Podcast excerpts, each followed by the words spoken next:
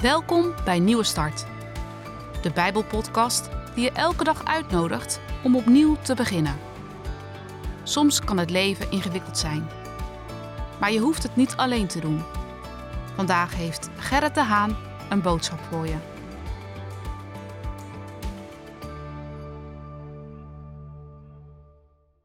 Ook als je weinig verhalen uit de Bijbel kent, dan is het verhaal van David en Goliath misschien wel een verhaal wat je toch wel bekend voorkomt.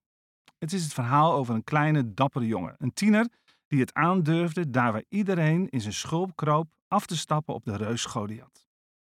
Het volk van Israël is in oorlog met de Filistijnen. De drie oudste broers van David zijn in het leger van Saul.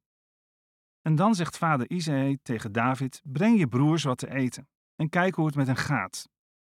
Als David dan in dat kamp komt en daar zijn broers ontmoet, is hij getuige van hoe de Filistijnse reus Goliath naar voren stapt om de Israëlieten te bespotten.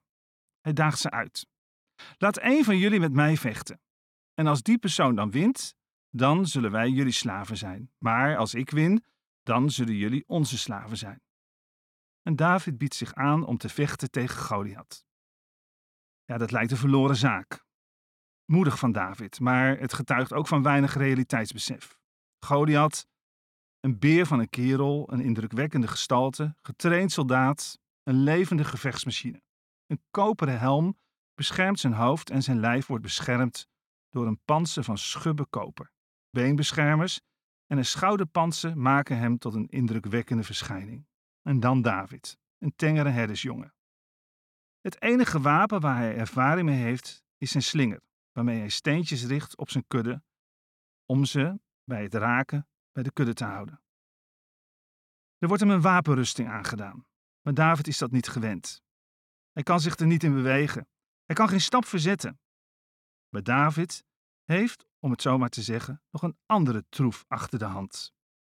Ik lees in het gedeelte uit het boek Samuel waar het tot een treffen komt tussen David en Goliath. Vlak daarvoor heeft David vijf kleine gladde steentjes verzameld bij een daar stromend riviertje. En zo stapt hij op Goliath af. In zijn buidel de steentjes, in zijn ene hand de slinger en in zijn andere hand de herderstaf. Dat is alles waarmee hij de reus te lijf wil gaan.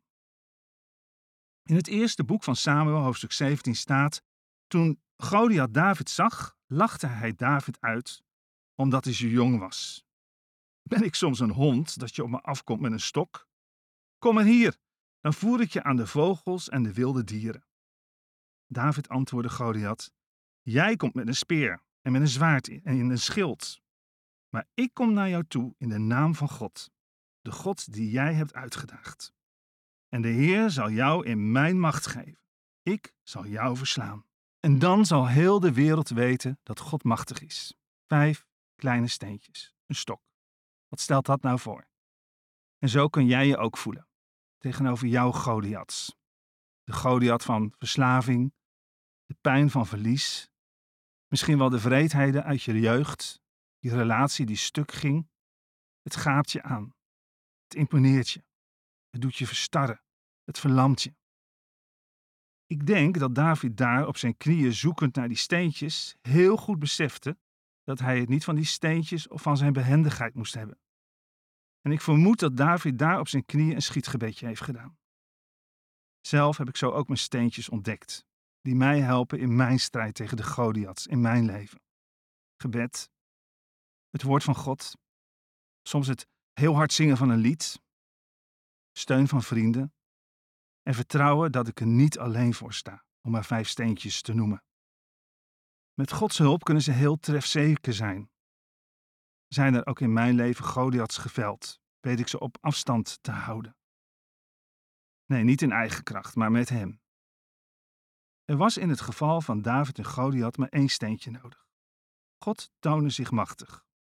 Bijbelverhalen vertellen niet alleen over de God van vroegere tijden. Ook nu is die God een God die mensen bevrijdt, redt en kracht geeft. Later schreef diezelfde David deze psalm, Psalm 121. Ik kijk omhoog naar de bergen. Waar komt mijn hulp vandaan?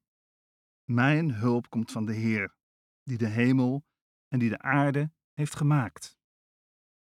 Hij zal ervoor zorgen dat je niets overkomt. Jouw beschermer slaapt nooit. Net als je schaduw is de Heer altijd dicht bij jou. Een geruststellende gedachte.